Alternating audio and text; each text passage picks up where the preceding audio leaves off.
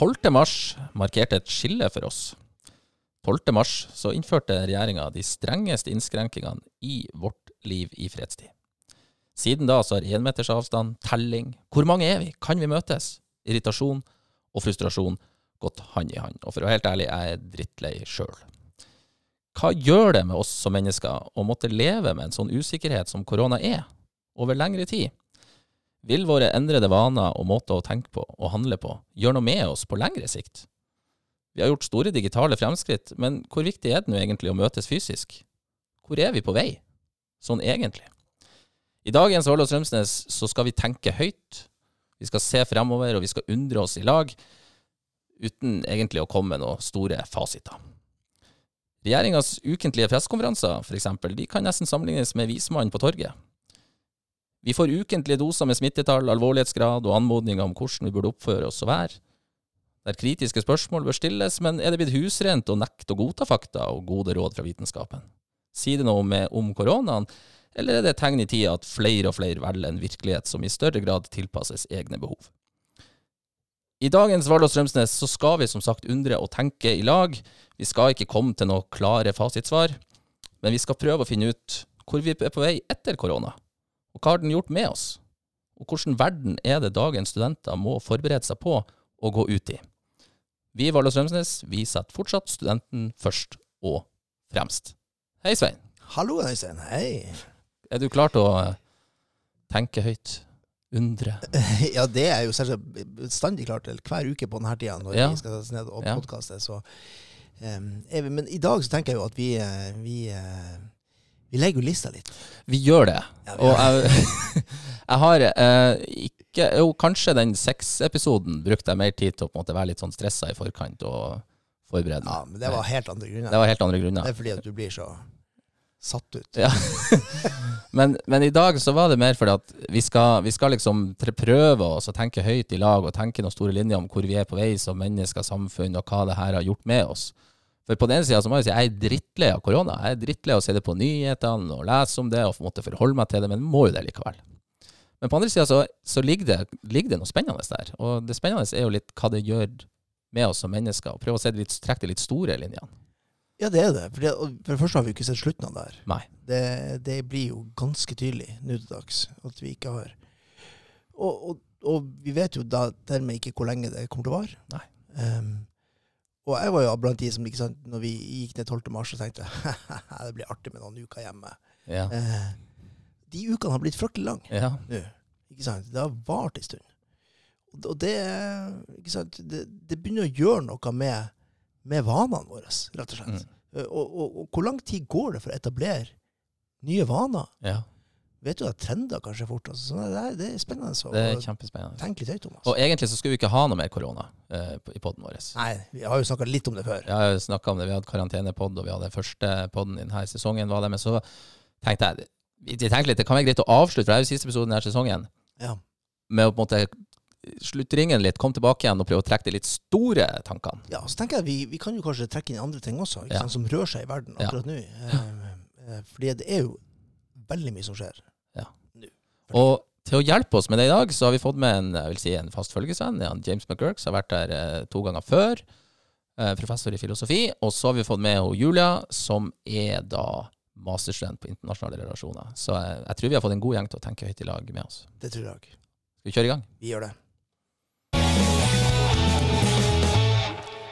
Ja!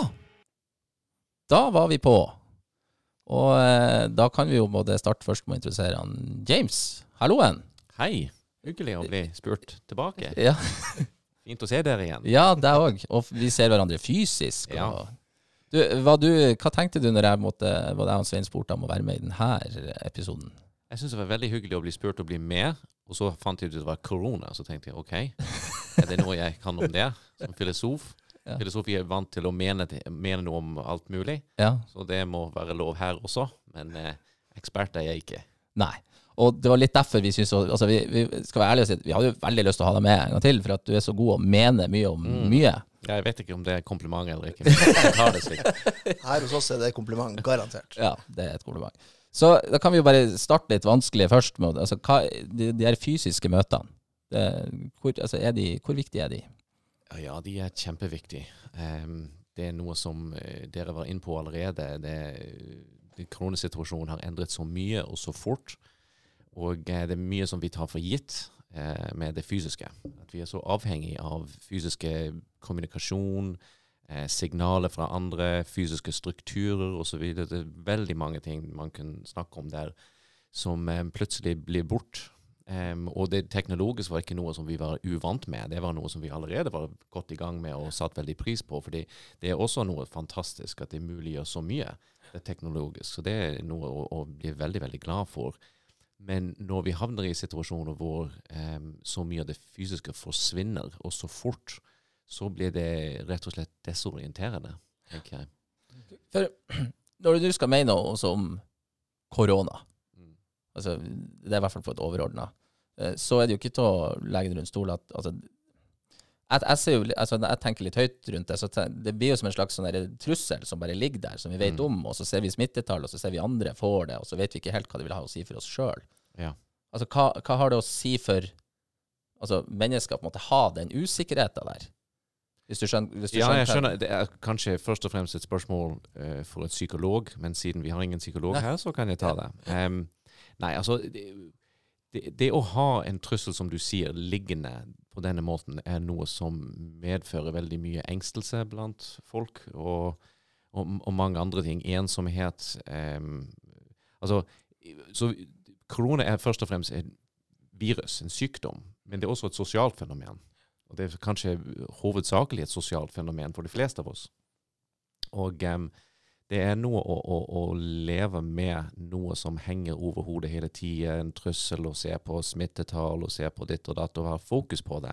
Og ha fokus på disse graffer ikke sant, som viser antall smittet og antall eh, innlagt etc. etc. Det er noe som eh, spiser opp veldig mye tid. Og det er en annen ting som er kanskje interessant med dette, er at det er et um, Spesielt kanskje for vi i Vesten, at vi har vært vant med en tanke om at vi er kanskje eh, altså udødelig, nesten. At det, vi er klar over at det fins epidemier og pandemier og sykdom og krig og sult osv. i andre deler av verden. Men det er noe som vi ble kanskje litt vant med å tenke at det skjer andre steder. Men å bli konfrontert med egen sårbarhet på den måten vi har blitt, er eh, noe som har viktige og store konsekvenser, tenker jeg. Nei, men med det så kan vi jo introdusere eh, vår student i dag. Eh, hallo, Julia. Hallo.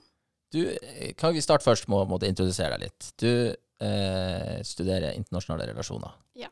Og er nå på master. Yes. Hvorfor det? Hvorfor er, hvorfor er du liksom har valgt den retningen? Nei, eh, jeg starta jo som de fleste andre studenter på en bachelor. Og da fant jeg jo rett og slett på noe jeg interesserer meg for, som er uh, både internasjonal politikk, og jeg har jo lyst på denne innsikten i uh, verdenskonflikter, uh, altså hva er det vi står oppi, hvordan er Ja. Nei, det forstå verden. Helt Ja. enkelt og greit. Og så var det sånn Under bacheloren da, så får jeg jo mer smak.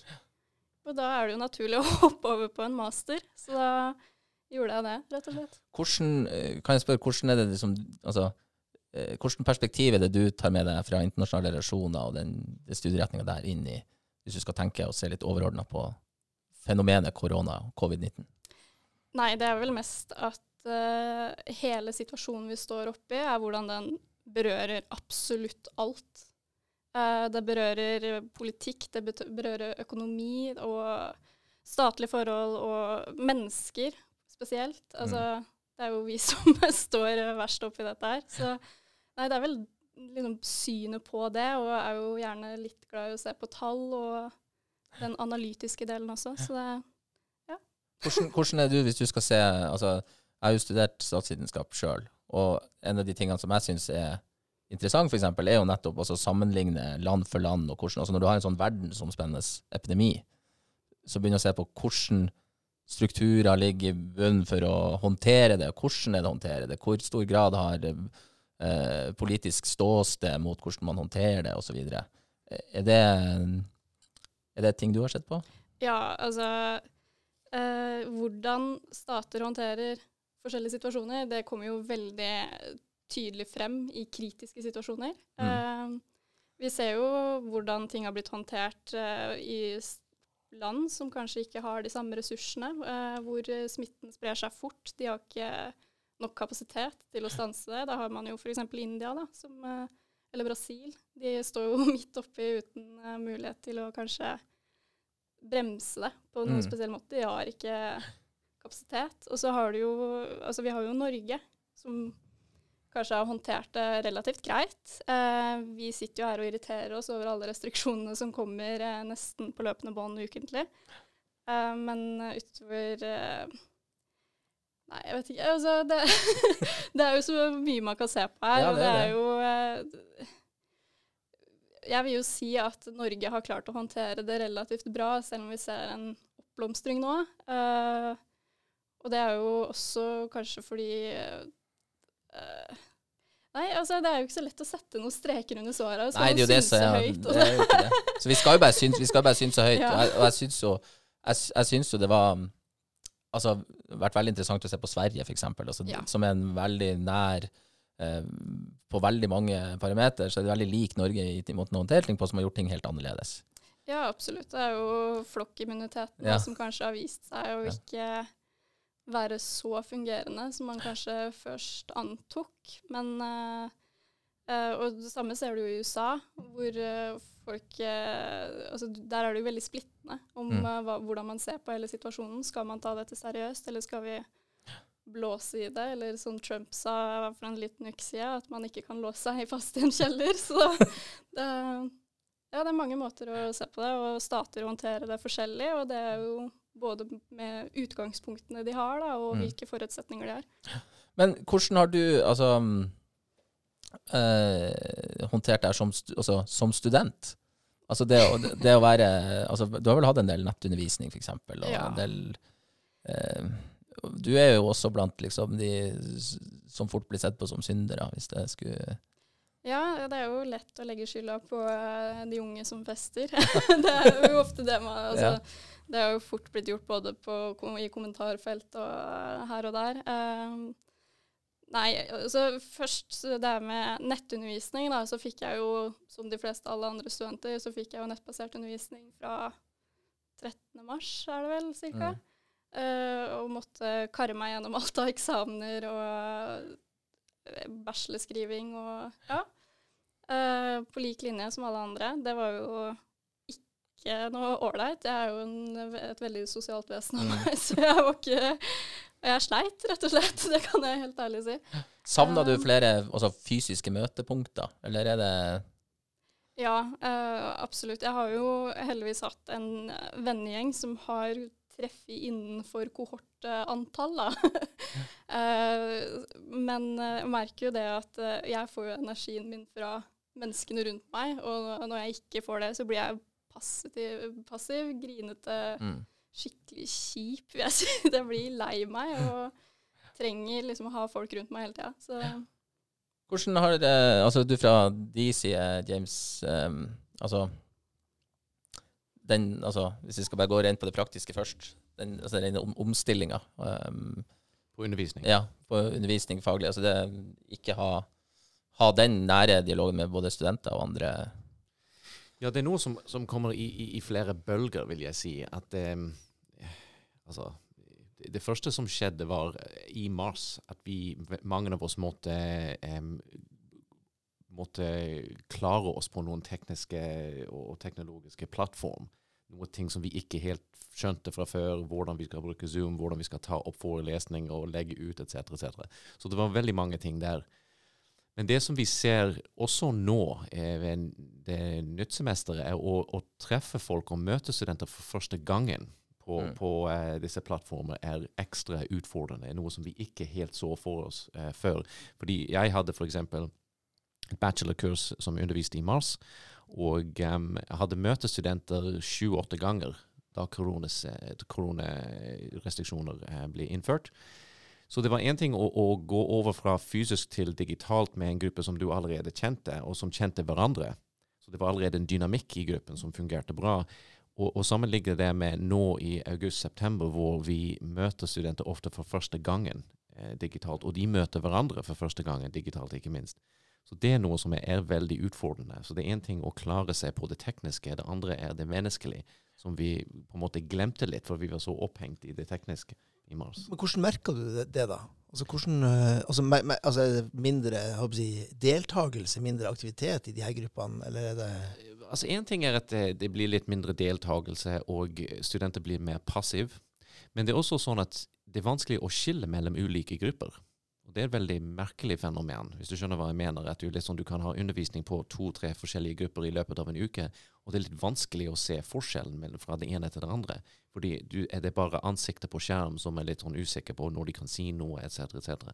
Og de kjenner ikke hverandre, for det er en, sikker, en slags trygghet av å bli kjent med hverandre og kunne snakke med hverandre, og snakke litt i kaffepausen, og, og gjøre noe på kveldstiden, etc., etc., spesielt på disse samlingsbasert, som er veldig eh, egentlig basert på en form for dynamikk i gruppen. Og Det er ikke noe som vi skriver inn i timeplanen, men det er fordi det skjer av seg sjøl. Men når det er borte, så merker du det. ja? Og dette merker dere ganske fort, altså? Er det blitt et tema iblant eh, dere som Det, eh, det begynner å bli et tema nå, for det som sagt, når vi først gikk over fra eh, fysisk til digitalt med grupper som allerede eksisterte som fysiske grupper, liksom, var det mindre synlig. mm. Eller kanskje ikke synlig i det hele tatt, fordi de, de kjente hverandre, så de, de, de var villige til å snakke og, og samtale med hverandre og ta litt ting i pausen seg imellom også. Men når folk møter seg for første gangen, så kan konsekvensene bli litt annerledes. Dynamikken kan bli veldig annerledes. Mm. Ja, det kan jeg jo si. Altså, det er jo noe jeg har merka selv også, som student. Som, altså, nå hadde jeg Vi var jo siste året på bachelor nå i vår, og vi hadde jo en klasse, vi kjente hverandre godt. og de, det var jo, vi var jo for det meste ferdig med mye av undervisningen vår, men de fagene hvor vi fortsatt hadde digital undervisning, så var det, det var veldig lett å ta ordet, det var lett å spørre om ting, det var lett å kjøre en diskusjon. Um, men nå som jeg har starta opp på master, første semester, eh, mange av fagene, så er vi rundt eh, over 150 til 200 stykker. Og det er ikke bare å skru på kamera og stille spørsmål og være den aktive studenten da, som du gjerne vil være. Og det er jo en viktig del av læringen, det også. Så du blir litt mer sånn Jeg har merka det selv også. med altså, Forelesning, plutselig så har jeg den på kjøkkenet, ikke sant. Og da kan jeg begynne å drive med alt mulig annet rart. Og plutselig skal jeg bake, eller jeg skal øh, begynne med alt mulig som ikke har noe Som jeg ikke ville gjort i en vanlig forelesning, da. Nei, Nei, det tror jeg, det har, er så- det tror jeg det er reagert på. Og det kan også. Det kan ja, også og det, det tror jeg faktisk også Det merker jeg veldig godt, da. At jeg, jeg har jo så utrolig dårlig konsentrasjon når vi bare begynner med alt mulig annet fjas, uh, i tillegg til å faktisk prøve å få noe læringsutbytte av dette her. Det kan også oppstå noen sånn awkward situasjoner hvis du dukker opp for tidlig for en forelesning, og det er bare du og foreleser ja, som sitter og stirrer på hverandre i fem minutter mens du Ja, venter på at de andre skal komme. Ja, og Men- jeg men, eh, har vært borti den også. La oss uh, gripe litt fast i det du sa litt, James, om at det kom litt i bølger, og hvordan vi som gruppe opererer. Uh, skal jeg prøve å tenke litt høyt her, jeg òg. Eh, så jeg veldig, fikk jeg veldig inntrykk av at når, når det først det her skjedde, altså når koronaen kom og alvoret sank seg, så dugnadsmentaliteten tok liksom veldig på. og vi skulle, Nå skulle vi sette oss ned, og vi skulle ha hjemmekontor, vi skulle holde folk hjemme, vi skulle være, ta ting på alvor. Men det varer bare i tid, ikke sant. Og så begynner vi som, og det kjenner jeg på sjøl, så begynner det alvoret så begynner vi å bli lei. Og så, men så skal vi på en måte fortsatt holde koken likevel. Eh, og da kommer kanskje den andre bølgen inn, at da er det liksom bare den der utholdenheten, og så begynner vi å se på, så begynner vi, og så begynner kanskje kritikken mot hvorfor er det nå sånn der, og hvorfor kan jeg ikke gå på det, men jeg kan gå på det, og hvorfor kan vi gjøre det og ikke det, og så begynner spørsmålene å stille seg. Og så er vi kanskje nå på vei sånn, nå kommer det en tredje bølge, men og nå har det plutselig smittetallene kanskje begynt å øke, men vi tar det kanskje ikke like seriøst igjen, eller at vi er på igjen. Vi klarer ikke helt å hente fram det samme. Så det, det er liksom Spekulere litt. Hva, hvordan er det vi Hva gjør det her med oss, og hvor lenge klarer vi på en måte å holde denne koken i en sånn um, Ja, og, og du må også se på at det er ulike folk i ulike situasjoner. For jeg føler meg veldig privilegert på, på mange måter, egentlig. Men, men til og med i første bølge så har jeg en familie, og jeg bor i Bodø, Og det er et stort naturområde hvor det var fritt å, å, å gå. Em, jeg tenkte ofte på de som bodde på 15 etasje på leilighetskompleks i Paris, Ja. som var innestengt. Jeg kunne ikke gå ut og, og, og gjøre ting. Så det, det, kan være veldig Og noen kolleger kanskje som bor alene. Som var tvunget inn i en form for monastisk liv Mhm. eh, plutselig i en periode. Så, så det er ulike måter å, å um, Så, så det, det, kan være irritasjon også på ulike nivåer. En slags allmenn irritasjon som jeg føler også av og til. Og så folk som er i veldig sårbare situasjoner. Ikke bare pga. korona, men pga. restriksjonene. Så det, Så kommer det der hensynet med vi kan ikke stenge alt ned, for vi må få ting opp og gå igjen, opp mot smittevernhensyn. Ja. Og så sitter vi alle og så tenker vi vårt, men så på et eller annet nivå så må vi også ha en slags tillit til det som skjer. Ja, men jeg tenker også på så, Ofte så setter vi opp problemstillingen her som helse mot økonomi. Ja. At det er helsetiltak på den ene sida, en situasjon med korona, på den andre sida har du økonomi. At vi må få samfunnet til å åpnes opp igjen. Men det kan også forstås delvis som en helse mot helsesituasjon.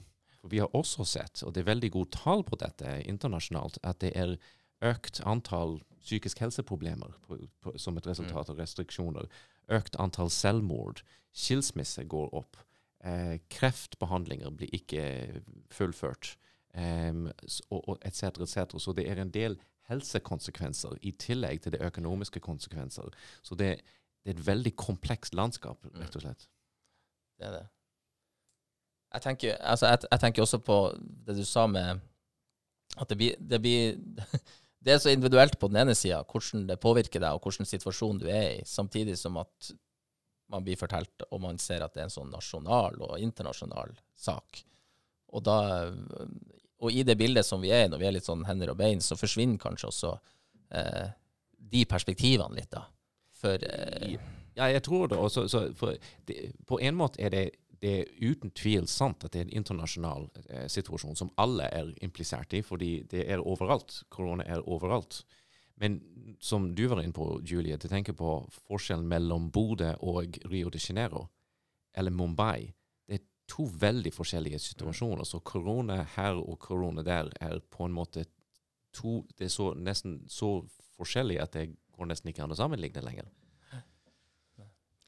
Nei, eh, altså ut ifra det, da, så kan man jo trekke inn både eh, det jeg gjør her i Bodø, da, hvor det har vært relativt eh, lite smitte hele veien, eh, få tilfeller. Eh, hvor, hvor mye innvirkning er det det har, da, hvis man ser liksom, på det store Altså hvor f.eks. i land da, hvor de ikke har mulighet til å møte tiltakene. Og det samme er jo sånn Eh, vi, har jo, vi har vært relativt flinke i Norge. Vi, jo, I hvert fall min oppfatning av både Ola og Kari Nordmann, at de tar dette seriøst.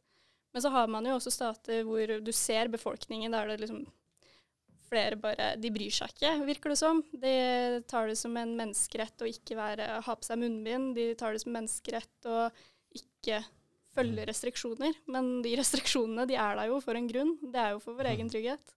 Men jeg ville ha sagt også at en ting å, å, For det kan også være en måte å, å fremstille ting som, som kanskje fanger opp deler av situasjonen, men ikke alt. At det er noen som bryr seg og Ja, ikke ja, bryr seg ikke. Men det er også Folk er veldig eh, satt i veldig sårbare posisjon som resultat av restriksjoner.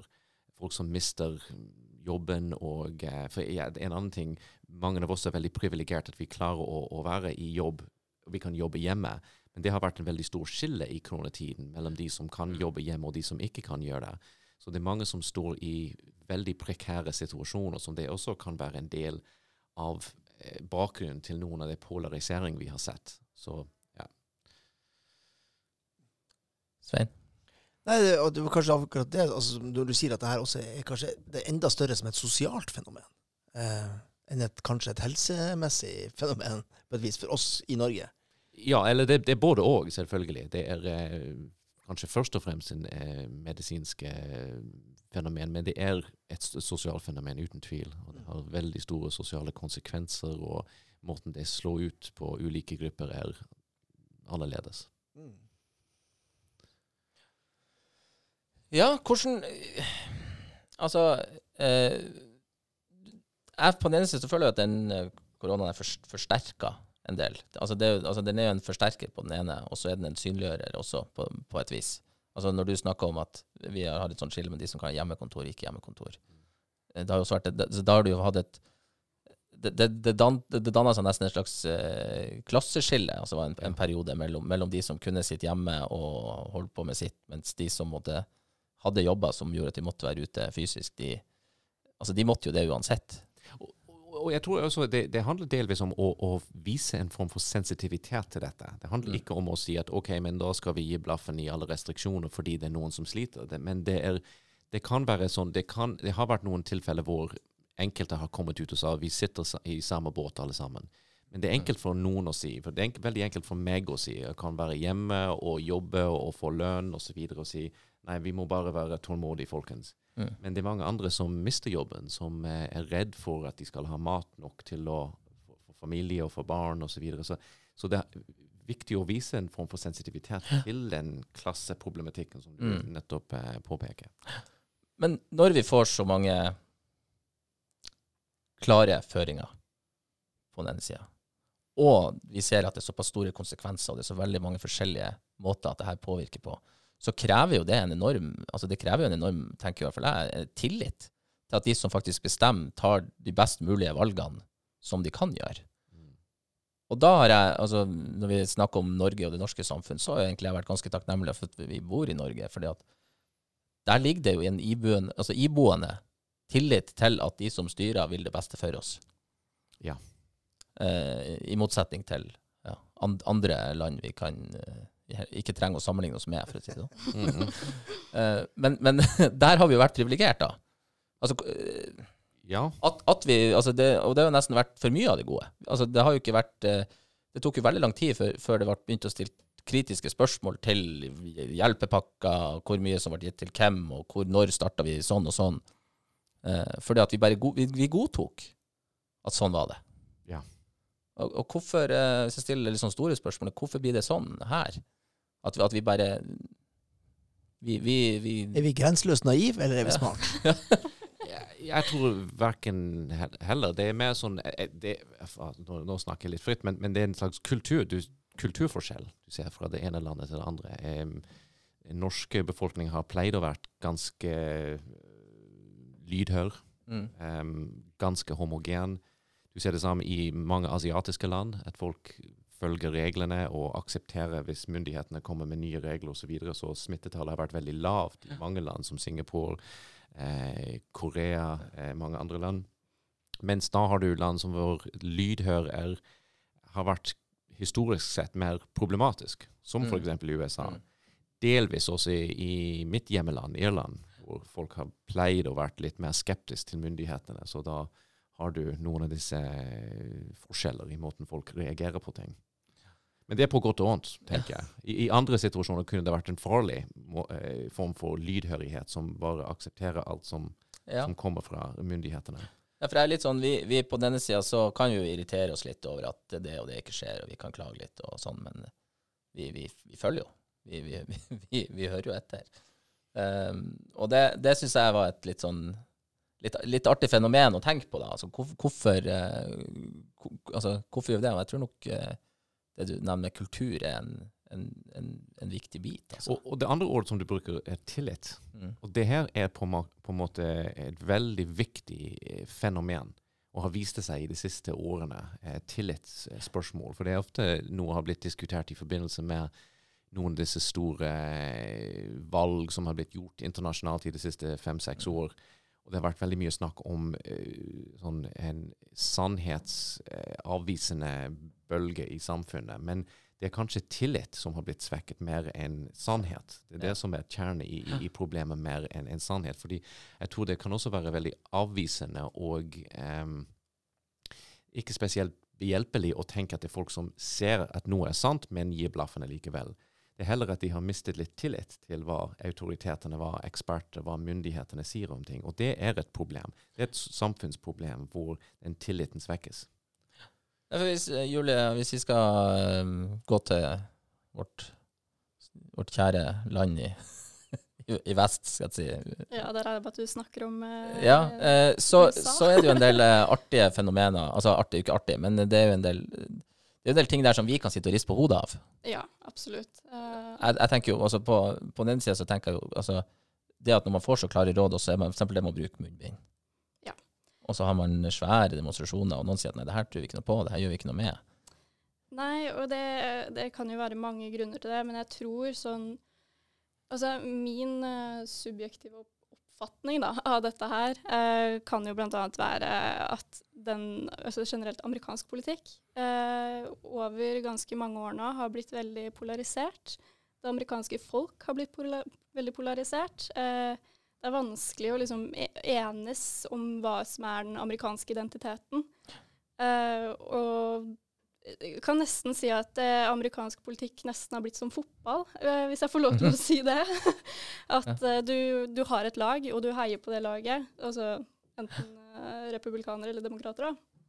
Og når du da liksom går inn for at jeg skal eh, dyrke dette partiet, eh, som noen amerikanere gjør med å sette opp skilt med hva de skal stemme, og I voted for Trump. Mm. og og det er selvfølgelig splittende. Folk slutter jo å prate med hverandre. og sånt. Men det her er jo vel merke ikke representativt for absolutt alle amerikanere, men det er jo sånne tendenser vi oppfatter da, fra nyhetene og sånt fra vårt ståsted her i Norge, at det, det er polariserende. og da blir det gjerne litt sånn Altså, folk går jo til gatene, det har vi jo sett under flere forskjellige demonstrasjoner. Folk eh, nekter jo for å bl.a. bruke munnbind, da, med tanke på det er ytringsfrihet, det er uh, krenkelse, og de trekker inn Men sjøl på altså For det er der jeg stiller sånn Sjøl på noe som man skulle tro var Altså, det her er jo velbegrunna gode råd. Altså, det er jo altså, Når det kommer noen og sier at hvis du bruker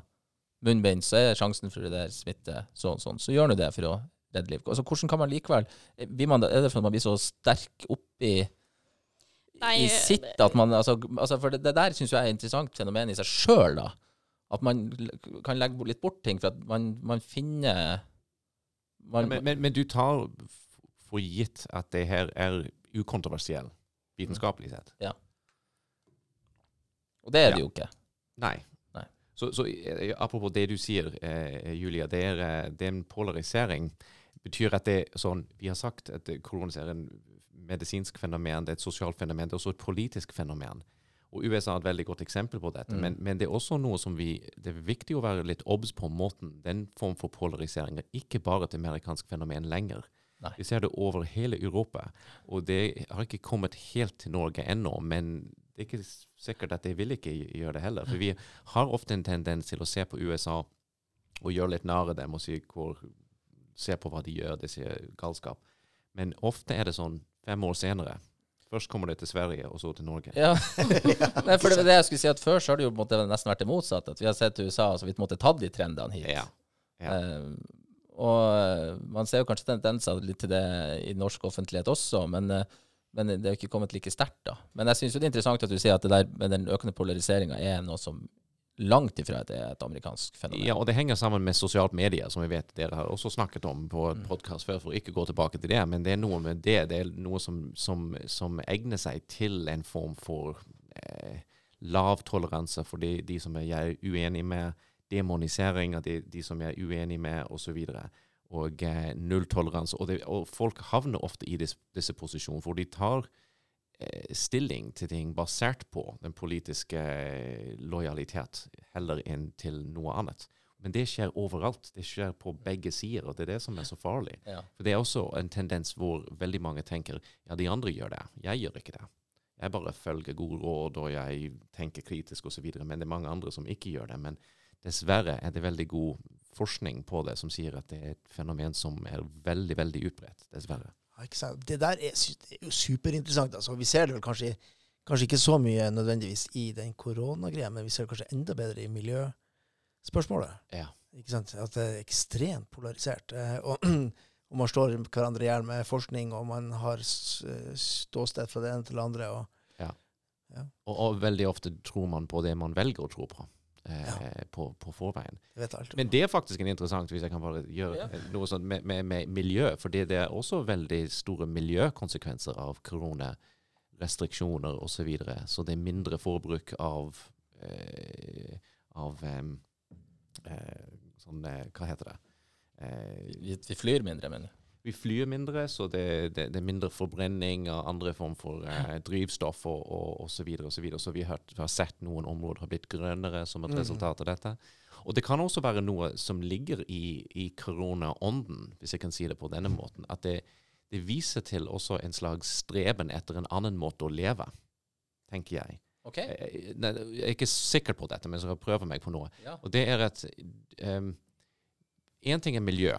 En annen ting er byliv.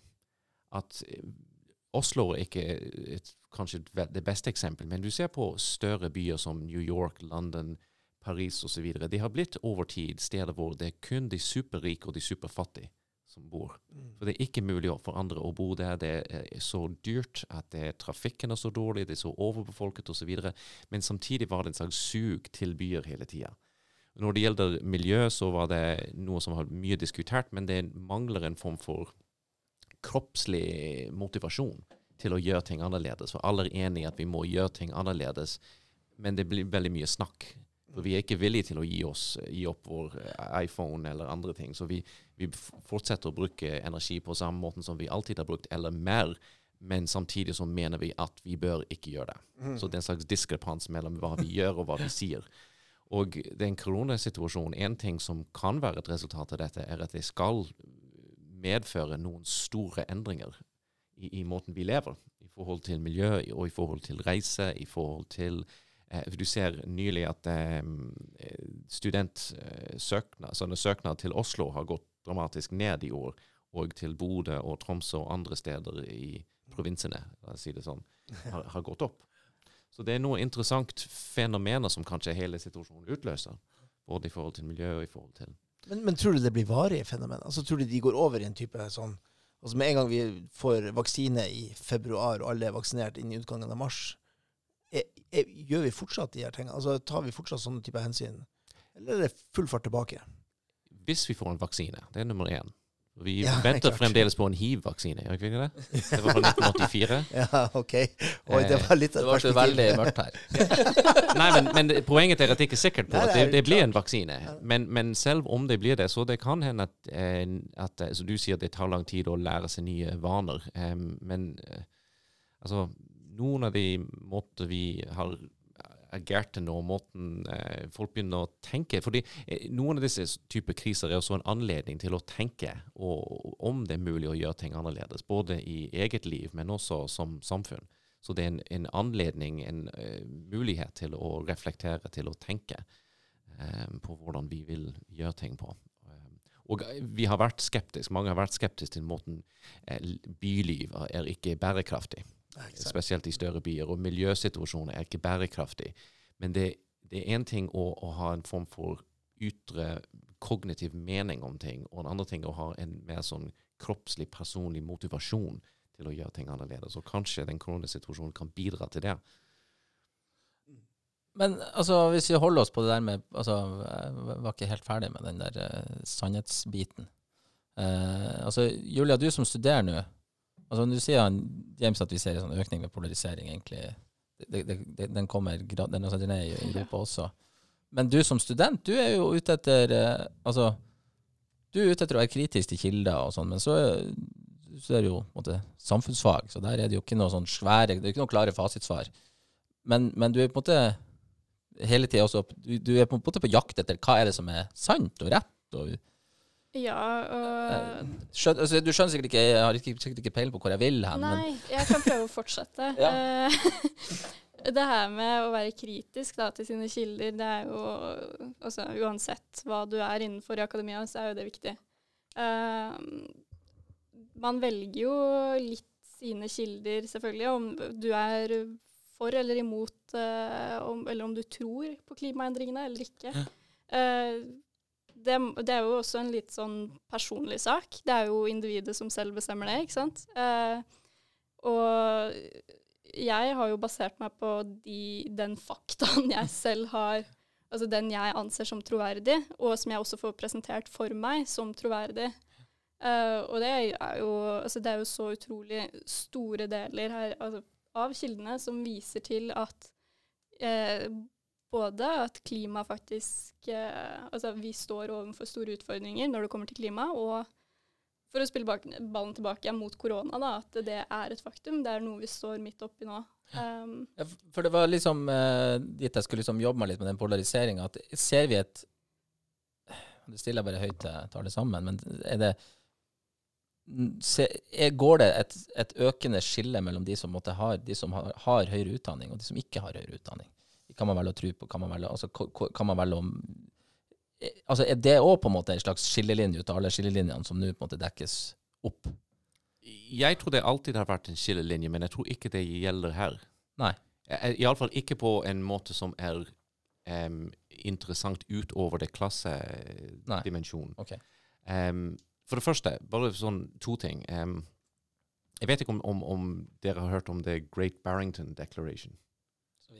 Ok, så det var en stor eh, Aldri, erklæring. aldri hørt om. Det var en stor erklæring som kom fra tusenvis av, av vitenskapsmenn, forskere, som har vært imot restriksjoner. De sier at det er ikke noe god idé å gjøre dette. De sier det er ikke noe grunn, det er ikke noe evidens for at det fungerer. At de sier at det er så mange andre ting som vi var inne på. Det psykologiske implikasjoner, eh, kreftbehandlinger, antall som dør hjemme, antall selvmord etc. etc. Så poenget med dette er at først og fremst at det er en reell vitenskapelig kontrovers på dette. Og det er noe som jeg syns er litt ja, Jeg blir litt lei av det ofte å høre at vi sier ofte at vi må høre hva vitenskap sier. Ja. Men vitenskap sier det er ulike former for vitenskap. Det er epidemiologi, det er virologi, det er medisin og det, klin det kliniske. Det er psykologi, det er mange andre ting. Og det er ulike som, som ser ting annerledes. i Men det er jo i så fall litt sånn underkommunisert. veldig underkommunisert, tenker jeg. Så det er én ting. Så det, så det er ofte presentert som om det er en vitenskapelig konsensus på at korona er så så smittelig, så så farlig, og det eneste måten å håndtere det er gjennom disse ting som er innført av av regjeringen. Men det er langt fra sikkert at det er sånn. Så det er viktig å, å ta det med opp i, i, i bildet. Det andre i forhold til utdanning. Igjen, det er noe med veldig mye forskning fra sosialpsykologi de siste årene har vist det til hvor vanlig det er for oss alle å tro på ting som passer innenfor vår ideologi.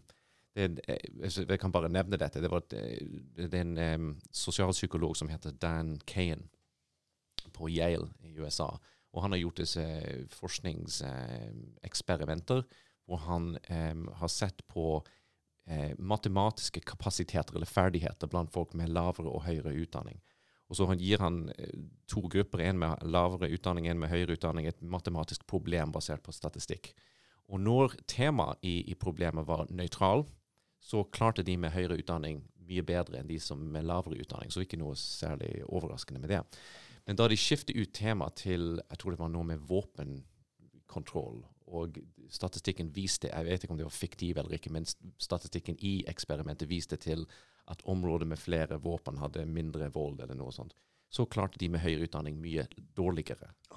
Og det viser til at vi på en måte ser det vi har lyst til å se, alle sammen. Så det er noe som jeg har tenkt på var også litt deprimerende og skuffende å høre, men vi tenker ofte at jo mer utdanning, jo mer kritisk.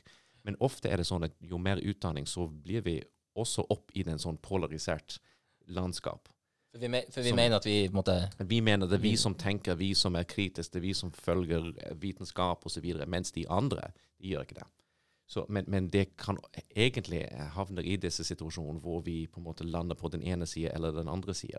Det var litt tilbake til det første, at en vitenskapelig perspektiv er mye mer eh, tåkete og flertydig enn vi Men har hvorfor går vi i sånne feller? Altså, altså, for det er jo en slags eh, Jeg synes det er mange grunner til det. Det er sånn ib- iboende menneskelig også, at vi, vi, vi, vi går etter det som vi på en måte mener passer oss. Ja, det er noe sånn identitetsspørsmål og eh, veldig, eh, tilhørighet. Eh, Det er veldig viktig for oss å ha en, et bestemt form for tilhørighet. Og vi ser det, du, du nevnte USA, og det er kanskje synligere alltid i USA enn i andre steder. Men det er noe med jeg er demokrat, jeg er republikaner. Det betyr at jeg kjøper absolutt alt partiet sier. At hvis de går for ingen munnbind, så ingen munnbind. Never. Og hvis de sier ja til det, så er det det eneste som, som skal redde alt. Så det, det er en, en form for eh, ja, sånn identitetsproblematikken på en måte, som, som representerer seg sjøl som om det handler om noe annet. Men, men eh, sitter du nesten og sier nå at det egentlig så er Trump et lite geni som har skjønt det her, og som utnytter det til fulle for sin egen fordel? Em, interessant spørsmål. eh, ikke noe geni, iallfall. Ikke noe geni, iallfall. Men um, eh, ja, det- det kan hende at han har en viss form for slags taus innsikt i hvordan ja, mennesker eh, tenker. En form for innsikt som er ikke um, noe artikulært, med en form for um, innsikt som er en instinkt. Mm, Nesten. Nettopp. ja. Ikke sant? Men han er jo det minste god å spille på det polariserende.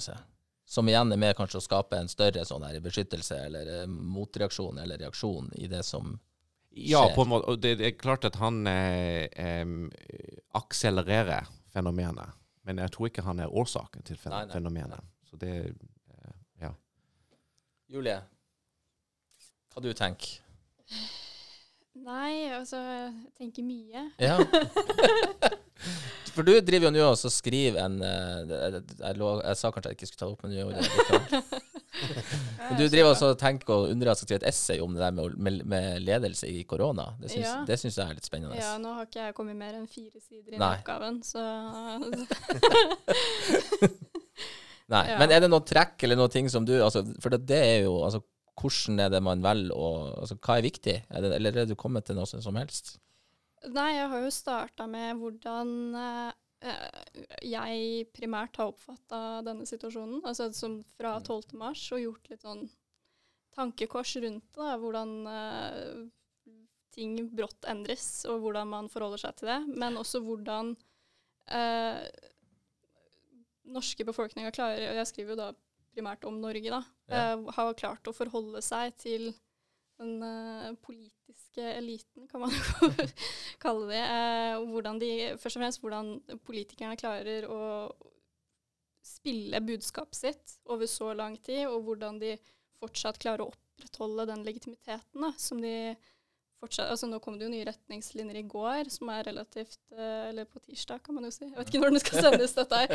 Eh, men den er jo Som er relativt sånn sterke og strenge eh, reguleringer. Eh, så man må jo se da hvor lang tid det tar før folk begynner å reagere. Hva tror du? Nei, hva tror jeg? Eh, kan jeg komme tilbake når jeg kommer med? Nei um, Men hvor sterk må ei altså, må ei altså, føring være for at det blir altså, for at det, det kommer jo liksom litt tilbake igjen til det, men altså, for, for det blir en sånn større reaksjon? Ja, altså sånn motsetning, da? Ja, du? ja, for jeg tenker det har vært ganske spakt. Altså, vi har jo hatt, altså Jeg som stor eh, Glimt-fan og hadde et helt nydelig år i år, har jo reagert kraftig på eh, antallet kamper jeg kunne ha gått på. Ja, nei, eh, vi har jo altså, Vi kan jo se f.eks. det som skjedde i Wuhan. Mhm. Det ble jo folkefest og poolparty, og folk lå jo som sild i tønne i basseng. Det var vel oppi noen Greit mange tusen, i hvert fall. Jeg har ikke noe tall på det akkurat nå. Men eh, at det kommer til å skje, det skal man jo ikke se helt bort ifra. Jeg kjenner jo det at jeg gleder meg til å begynne å klemme igjen. Eh, Ja. Men det kommer jo sikkert ikke en dag hvor de sier Eller nå kan Ja. dere begynne å klemme. Det Mm. kommer jo ikke til å skje, det. Men, så nå har jeg en kle klemmevenn som jeg forholder meg til. Og, og det er også noe med vanene også, Ja. at folk kan bli, begynne å bli litt sånn skeptisk til hverandres fysikalitet Ja. på en måte. Vi er litt sånn eh, engstelige for det, kanskje. Så Ja, jeg har jo noen venner som er på, prøver seg det her med dating Mm. i koronatida. Det er jo ikke akkurat det letteste markedet, tror jeg, akkurat nå. Det, Og, og det er et veldig, altså det er et veldig stor, siden vi snakker om studenter, at det kanskje går mest utover studenter på mange måter. For gamlinger sånn som meg, det har ikke så veldig mye å si. Jeg er ikke ute på fest veldig ofte, så det var faktisk en Det hadde ikke så veldig mye med meg å gjøre på, på denne måten, men, men for veldig mange studenter har det vært veldig vanskelig. å Ja, og jeg hørte Ja, til og med han, eh, altså, vår helseminister var ute i avisa og sa at eh, altså, unge må ikke ha så mye tilfeldig one night stands. nei. Så da han eh, sa jo ikke noe om gamle. Så, Nei, da er det greit. Eh, så jeg tenkte jo at her har han satt et skje. Han, sa ikke han definerte ikke hvor ung du måtte være, men jeg, jeg anser jo meg sjøl som gammel, da. ja, plutselig. Um, nei, du jo ingen det er jo- motargumenter. Nei, nei, jeg skal, skal ikke si imot eller eh, Nei, det er jo blant annet altså Det er jo kjent at eh, det er vel én av tre studenter sliter jo med ensomhet, og det var jo til og med før korona. Eh, jeg er jo såpass heldig at jeg har en samboer, uh, så jeg har noen liksom rundt meg til enhver tid. Det var jo også veldig plagsomt i noen perioder, spesielt under bachelorskriving. Eh, men for de som ikke har det, så skjønner jeg altså Det må være tungt, altså. Det tror jeg absolutt. Og jeg har merka det selv også. Jeg trenger de der impulsene fra folk rundt meg hele Ja. tida. Og jeg blir jo Som jeg sa innledningsvis, at jeg blir en skikkelig sutrekjerring, hvis jeg har lov til å si det. Hvis jeg ikke får ha mennesker rundt meg. Jeg blir sånn passivt Ja, det- lite dovendyr. Ja, det fysisk kontakt er så viktig. Hvor viktig er det altså, for et vanlig menneske det med å ha de, de fysiske relasjonene? Nei, men vi vet, det, det er også veldig godt dokumentert, at det, uten en form for fysisk kontakt, fysisk kontakt med andre mennesker, så um, Altså, det, det, det, det er helt essensiell for vår em, mentale helse og, og overlevelse, eh, til og med. Så det, hvor langt skal det gå før det provoserer en reaksjon, det er vanskelig å si. Kanskje hvis Glimt vinner Mhm. eh, serien, så skal vi se en, en reaksjon her i Bodø. Og det blir reaksjon. Det blir det. Men, men du har sett eh, sånn gatekrig i Italia i går. Eh, store demonstrasjoner i Storbritannia, i Tyskland, eh, overalt. Så det Vi er på en knivsegg. Ja, det Al- Og så skaper det det får, jeg får litt sånn altså Det får også litt fram det verste i oss, da, i den at vi skal liksom se og ta andre som ikke Det, det, det er jo det andre aspektet i det. At da vi, vi nesten går og klager inn naboen hvis det, hvis det er over 20 på fest der, eller eh, vi, Altså, vi, vi, vi, vi, vi, vi de gjør jo litt det verste i oss òg, det her. Ja, ja, det har vi også sett. Folk som rapporterer andre til myndigheter osv. Ja. Um, Istedenfor å gå og snakke med folk Ja. heller. Det er en form for eh, Så den solidariteten begynner å, å, å Ja. blir Ja, det bryter ned. Men hvis vi nå skal nå øh, prøve å se litt fremover uh, for slutten, altså hva ser Du, du var jo veldig mørk i stad, James.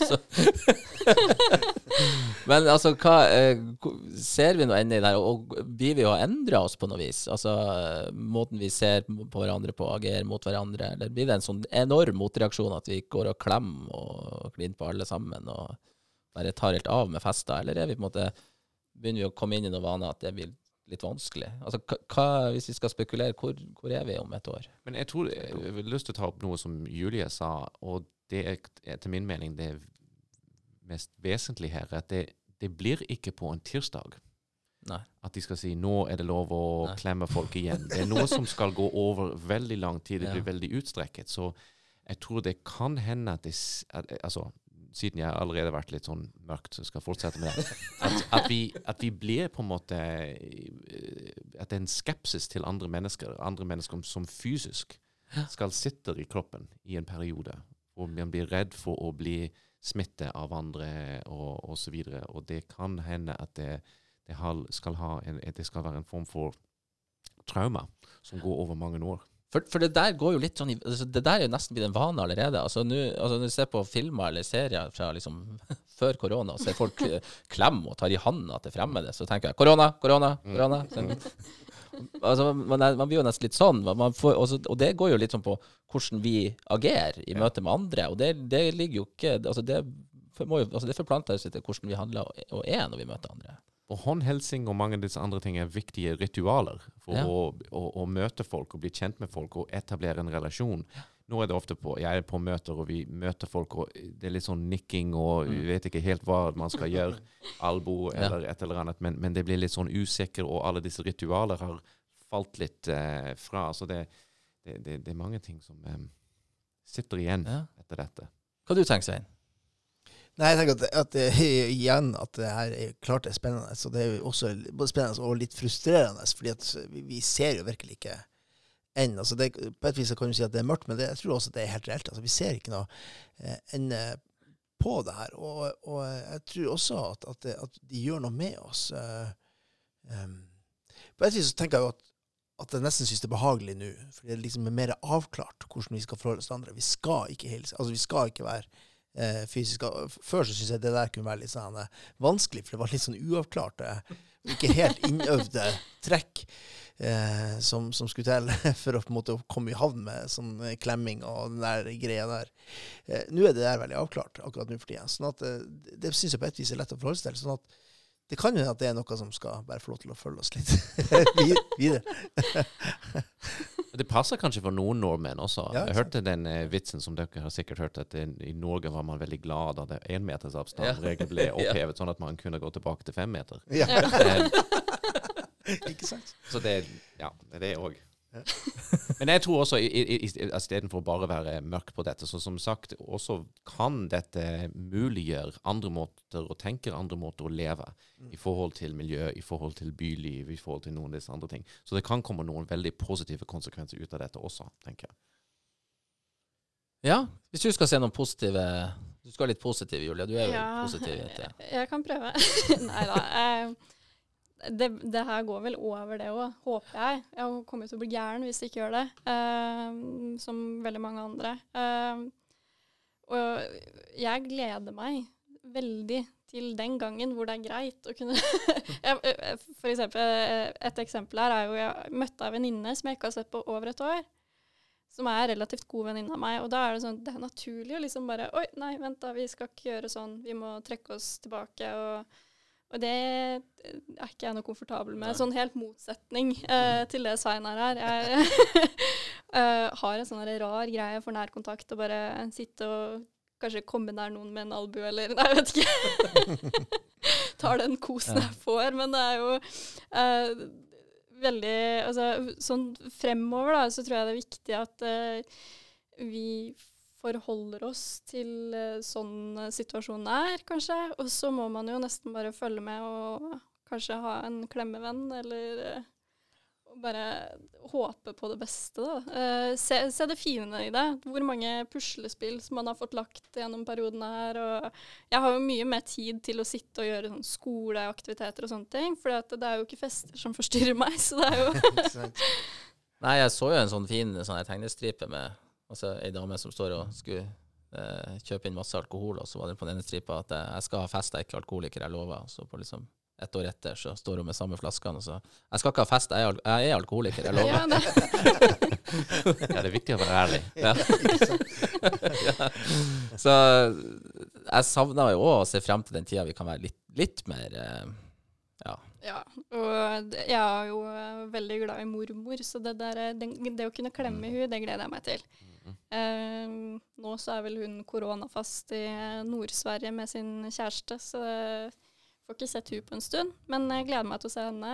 Og selv om vi fikk mye eh, kjipe restriksjoner denne uka, her, som maks ti stykker på en uke og sånne ting, nå er jo dere blitt tre av de utenfor ja, beklager. min beklager. Eller jeg håpa det var verdt det. Da må jeg Må skrive ned det, sikkert, da. Ja, Eh. Ta litt mer sjokolade du, Julia. Så. ja, jeg tar smugler med ned i lomma. Eh, men jeg regner jo med, altså, så lenge man får liksom litt jul og litt sånne ting, og ja, litt familietid, det tror jeg blir bra. Det tror jeg hjelper. Det blir en liten boost eh, til å angripe over nyåret og fortsette den derre fjerningen av korona, hvis man kan si det sånn. Men hva skal vi gjøre, James, for å måtte motvirke den motløsheten som vi Altså, det er jo, noe sånn iboende når vi liksom ikke ser noe ende på det. Hva tenker du på? Nei, altså, nu, ja, vi, det kommer, altså, det kommer, korona kommer ikke på en altså, Vi er ikke ferdig med det på en tirsdag. Og vi må bare, inn, vi må bare innforstå at sånn her blir det en stund. Og så hva eh, Altså, har du noen tanker om hva Altså, hva er det Er det noe fint vi kan Måter vi kan på en måte tenke på, se, bruke de rundt oss og det vi er, hvis du skal tenke helt fritt? Jeg syns det er viktig å, å, å, å ha disse folk som er rundt oss, og for, de, for, for vi som har folk, og tenke på de som ikke har. Um, for det er kanskje mye vi kan gjøre. for vi, Det er én ting å ha feste med 50 folk, det er andre ting å kanskje besøke en nabo som er alene. Eh, du behøver ikke å gå inn og, og sitte på sofaen med det, men det kan være ute eller noe sånt, og, og vise litt omsorg for, for hverandre på denne måten. Veldig bra. Og én en ting jeg ja. bare har lyst til å si, for jeg, i forhold til å bli negativ Jeg sa noe som var feil tidligere. Jeg sa hvis Bodø-Glimt vinner Ja, serien, ja. burde, burde ha sagt når. Når ja. Ja. Beklager det. Bra fikk den. Oh, ja. Jeg må bare si at eh, når Og så banker jeg litt i bordet her, det skjer, så, så vet jeg ikke hva jeg gjør, altså. Men uh. Du kan feste hjemme alene. Ja, feste hjemme med en venn. Da har jeg jo lyst til å møte masse folk og klemme og hoi og sprenge rundt i byen og jeg vet ikke hva. Eh, men eh, den tid, den sorg slash glede, eh, tror jeg vi kan Og jeg må bare, Nå var det fine ord fra James her på slutten. Vi har, jeg syns vi har fått prata og tenkt høyt om mye. Vi har ikke kommet frem til en eneste fasit i det hele tatt, og det skulle vi heller ikke. Den lille, liten fasit kommer når vi møtes igjen, for da er det ny sesong, og da er vi plutselig i 2021. Så da er vi jo ferdig med det her. Det kan, det kan jo hende vi kommer tilbake med en seierspott når Glimt har Det kan jo hende vi gjør det. Kanskje vi må gjøre det. Men uh, når vi kommer over sånn vanlig sesong fem i en gang, så vet vi kanskje bitte litt mer. Ellers så er vi akkurat likens. Hvem vet. Det får vi se på. Men uh, til da, så uh, tusen takk for dere som har vært her. Og så får dere ha en ja, Jeg sier bare heia Glimt, da. Så sier vi takk for oss. Gjør det. Takk for Takk. oss.